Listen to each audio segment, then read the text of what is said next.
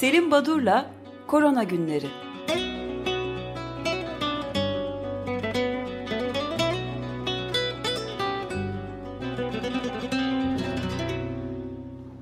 Günaydın Selim Badur, merhabalar. Günaydın, merhaba. Günaydın. Evet, günaydın Özdeş. Ee, farklı biçimde değişik konularla e, bu programa, bu, bugünün korona günlerine başlamak istiyordum ama biraz önce siz Profesör Doktor Kayahan Pala'dan bahsettiniz. O nedenle benzer e, hani bir takım yakınlıkları olan farklı bir gelişmeye değinmeme izin verin lütfen başlamak için. E, bilemiyorum atlamış olabilirim. Siz değindiniz mi e, Açık Gazete'de? E, daha doğrusu geçen hafta Özdeş ve Evrim değindiler mi hatırlamıyorum. E, ancak e, 19 Nisan günü Eyüp Nişancı Aile Sağlığı Merkezi'nde görevli Doktor Yavuz Kalaycı COVID-19 nedeniyle yaşamını yitirmişti. Evet. Kendisi evli ve iki küçük kız çocuğu babasıydı ve e, ölümünden önce son bir mesajında kızlarım küçük sahip çıkarsınız değil mi şeklinde bir mesajı vardı. Bu mesaj yankı uyandırdı ve çok çeşitli e, kesimlerden e, kendisine, e, ailesine yardım için bir yardım kampanyası açılması talebi oldu. Bunları İstanbul Tabip Odası organize etti ve 22 Nisan tarihinde ailenin de izni alarak e, bağış kampanyası açmak için gerekli müracaatlarda bulunacağı söylendi. Bu karar alındı. E, daha sonra e, e, çocuklarının eğitim, öğretim masrafları, sadece çocuklarının eğitim, öğretim masrafları ile sağlık, sosyal ve kültürel ihtiyaçlarının giderilmesine katkıda bulunmak üzere 3 ay süreli bir bağış kampanyasının açılmasına karar verildi ve 7 Mayıs 2020 tarihinde de İstanbul Valiliği İl Sivil Toplumla İlişkiler Müdürlüğü'nde resmi başvuruda bulunuldu Tabip Odası tarafından. Ee, bunun üzerine ilgili müdürlükten Tabip Odası'na 9 Temmuz 2020 tarihli bir yazı ile kampanyasının kampanyaya İstanbul Valilik makamının işte belirli sayı ve tarih oluru ile izin verildiği ve yardım toplama faaliyetinin denetimi amacıyla bir görevlinin denetçi olarak görevlendirildiği bildirildi. Bunlar iyi hoş ama bu yazı 9 Temmuz'da gönderilmişti. 16 Temmuz'da e, kampanya başlatıldı ve ilk gün 160 bin lira e, 160 bin TL üzerinde bağışta bulundu. Ama aradan bir gün geçti ve 17 Temmuz günü e, yaklaşık 8 gün önce izin verdikleri bu kampanyayı valilik durdurdu, durdurdu ilan etti. E, Durdurma bu, gerekçesi e, nedir? E, herhangi bir gerekçeyi ben e, bilmiyorum. E, Dün akşam böyle bir gerekçe açıkladılar. Aile bizden öyle istedi diyorlar ama aile bir kampanya son vermek istiyorsa niye valilik e, hani bunu durduruyor? Orası Muğlak. Ailenin onayı alınmıştı. Ee, öncelikle İstanbul Vali tarafından yapılan yazılı bildirim olmadığı, henüz henüz bir bildirim olmamış valilik tarafından tabip odasına. Dün bekleniyordu. Gelip gelmediğini bilmiyorum ama bu sadece e, sözel. Yani kısaca buradan hareketle özellikle e, Profesör Kayahan Pala'nın da e, başına gelenler ya da işte kendisine açılan e, Uludağ Üniversitesi tarafından soruşturmanın e, düşündürdüğü bir nokta var. E, şimdi farklı ülkelerde şu anda yaşanan politik e, tabloda e, işte belirli e, yöneticiler ve onları destekleyen, onlara yandaş olan takım bürokratlar var. Ama e, bir hareket üzerine örneğin Trump'ı destekleyen e, söylevler ortaya çıkıyor. Ama bizde bir adım öteye gidiliyor galiba. Yöneticiler herhangi bir şey yapmadan da o yöneticilere yaranmak için böyle bir bir hamle yapıyorlar işte Uludağ Üniversitesi'nin yaptığı gibi, valiliğin yaptığı gibi.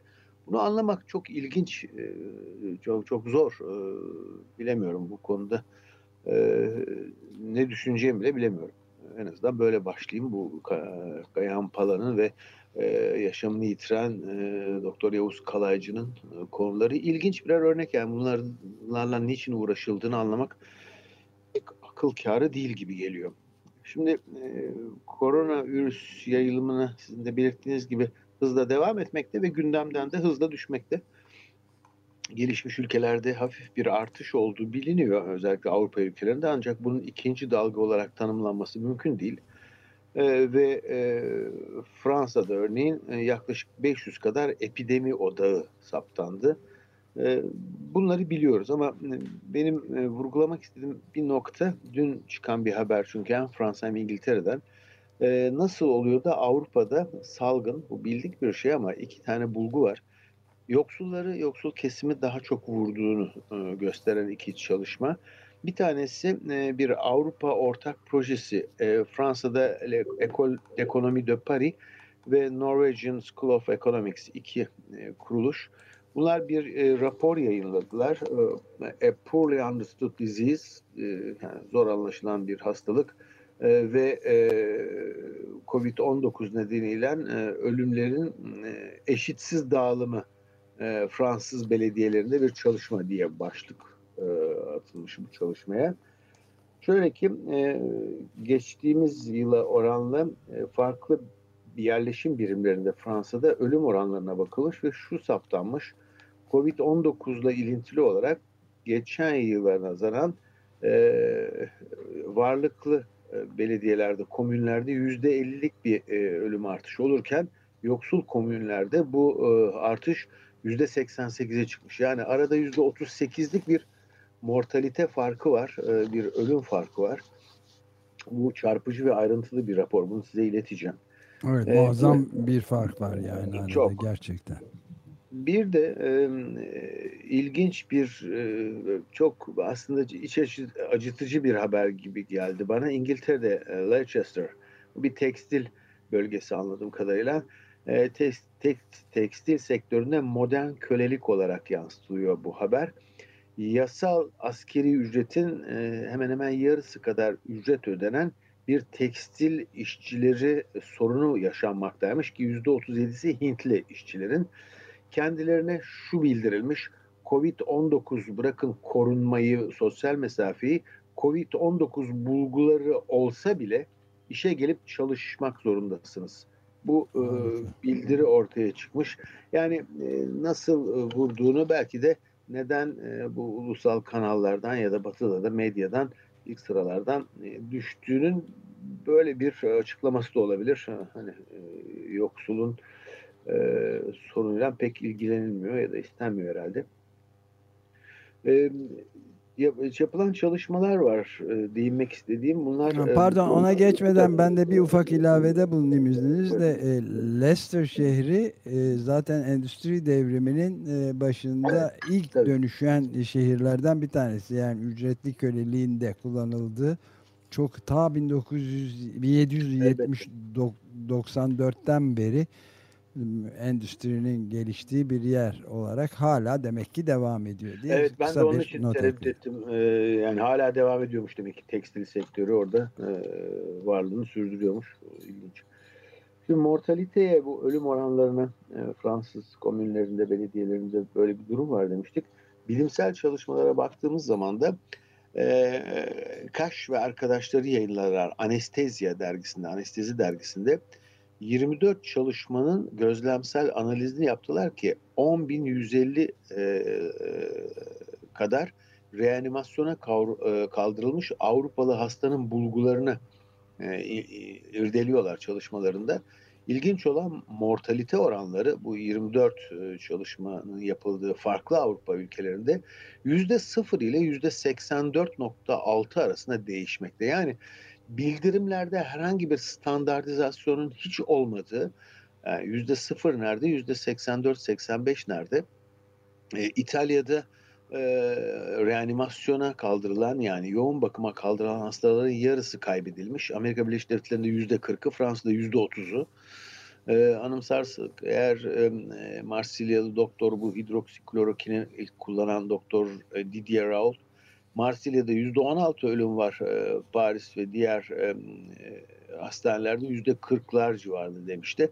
Yani oranlar fazla ama e, kıyaslama yapmak çok güç çünkü reanimasyona alınan hastanın tanımı, hangi hastalar alınıyor, bunlar tam standart olmadığı için kıyaslamak da pek mümkün değil. Niye bir ülkede yüzde sıfır, bir ülkede yüzde seksen üzerinde ölüm oluyor?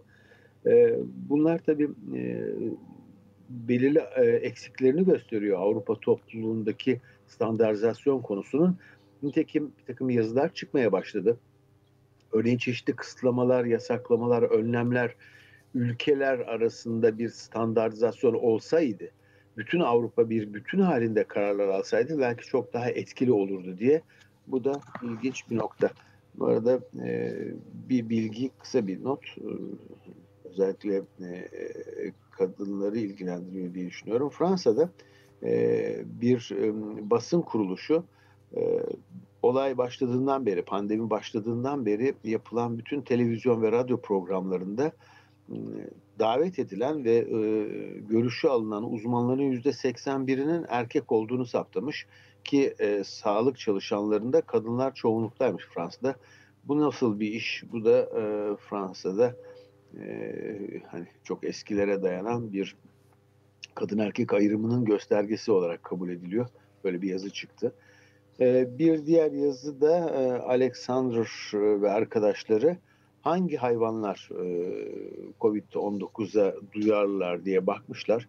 Bugün e, kedilerin, e, kaplan, aslan, e, rezus maymunların, hamsterlerin e, çok net olarak SARS-CoV-2'ye enfekte olduklarını, bunların duyarlı, duyarlı hayvanlar olduğunu, buna karşılık e, birçok enfeksiyon hastalığı etkeninde görülenin aksine fareler başta olmak üzere ördekler ve e, civcivlerin, tavukların e, dirençli olduklarını göstermişler. E, tabii bu e, hayvanlarda reseptör bulunup bulunmamasıyla ilintili ama reseptör olduğu halde yani virüsü tuttuğu halde e, bir canlı e, yine de vücudu bazen e, enfeksiyon oluşturmuyor. E, böyle bir çalışma e, hani içinde işte domuzlardan e, gelinciklere e, develerden atlara e, ve koyunlara kadar her türlü hayvanın hangisi ne kadar ne oranda e, duyarlı diye bakan bir çalışma.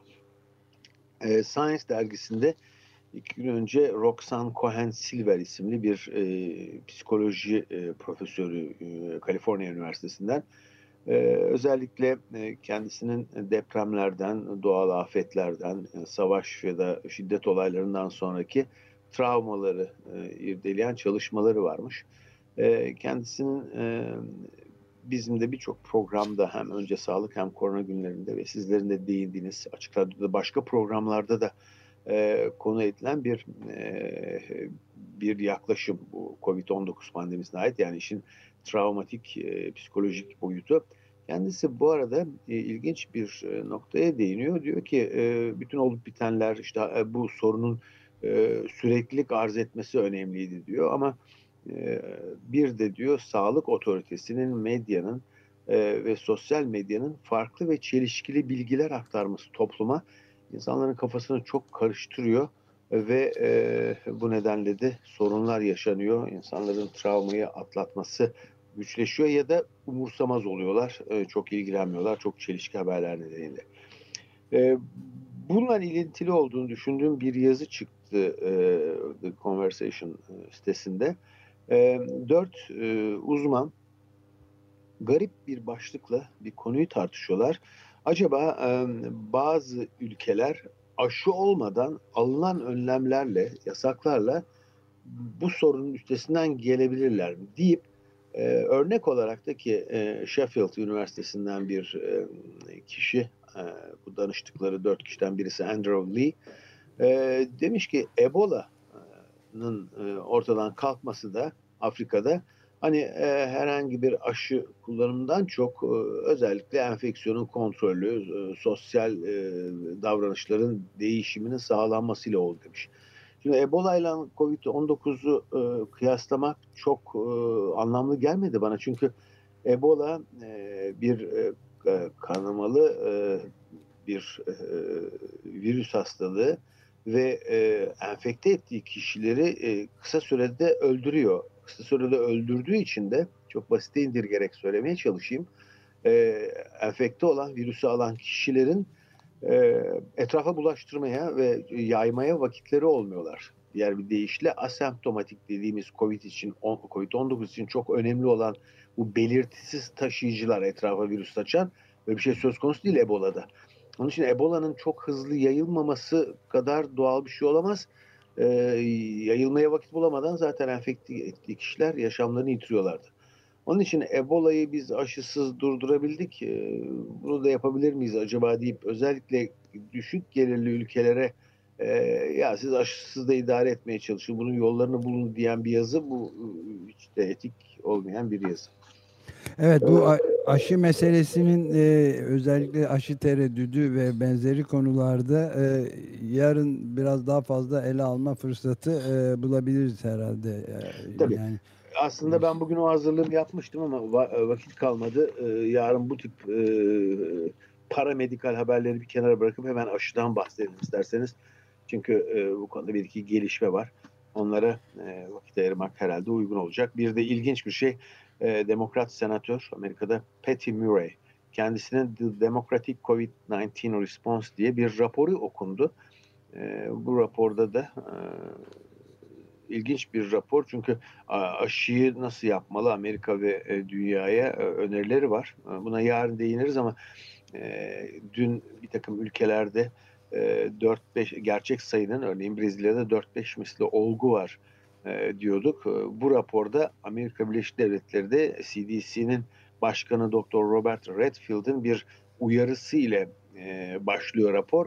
Diyor ki konfirme edilen olguların gerçek e, durumun onda biri diyor. Yani onla çarpmak lazım diyor. Bunu çarpmak yani- dehşet verici bir şey. herhangi birisi değil yani CDC'nin başkanı söylüyor bunu. Evet, e, WHO da yani Dü- Dünya Sağlık Örgütü de yani hiçbir e, ülke e, epidemiyi kontrol edemez bu filyasyon aşı e, şey takibi yapmadan e, e, yani kontrolleri bırakarak diye aşıların da kamu yararına olduğunun artık kabul edilmesi lazım diye ciddi uyarılarda bulunmuş. Bu da Guardian'ın bir haberiydi. Bu aşı meselesini ele almamız da çok yarar olacak herhalde. Bugün açık e, bilinçte de sizin de olduğunuz konuşuyoruz zaten ama devamında getirmemizde fayda var.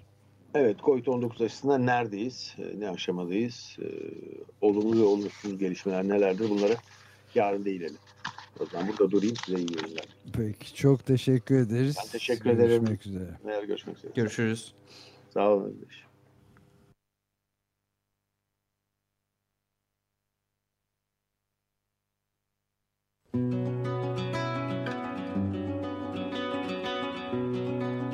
Selim Badur'la Korona Günleri.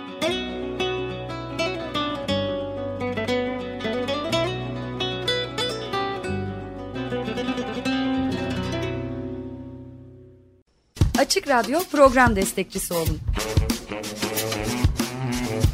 Bir veya daha fazla programa destek olmak için 212 alan koduyla 343 41 41.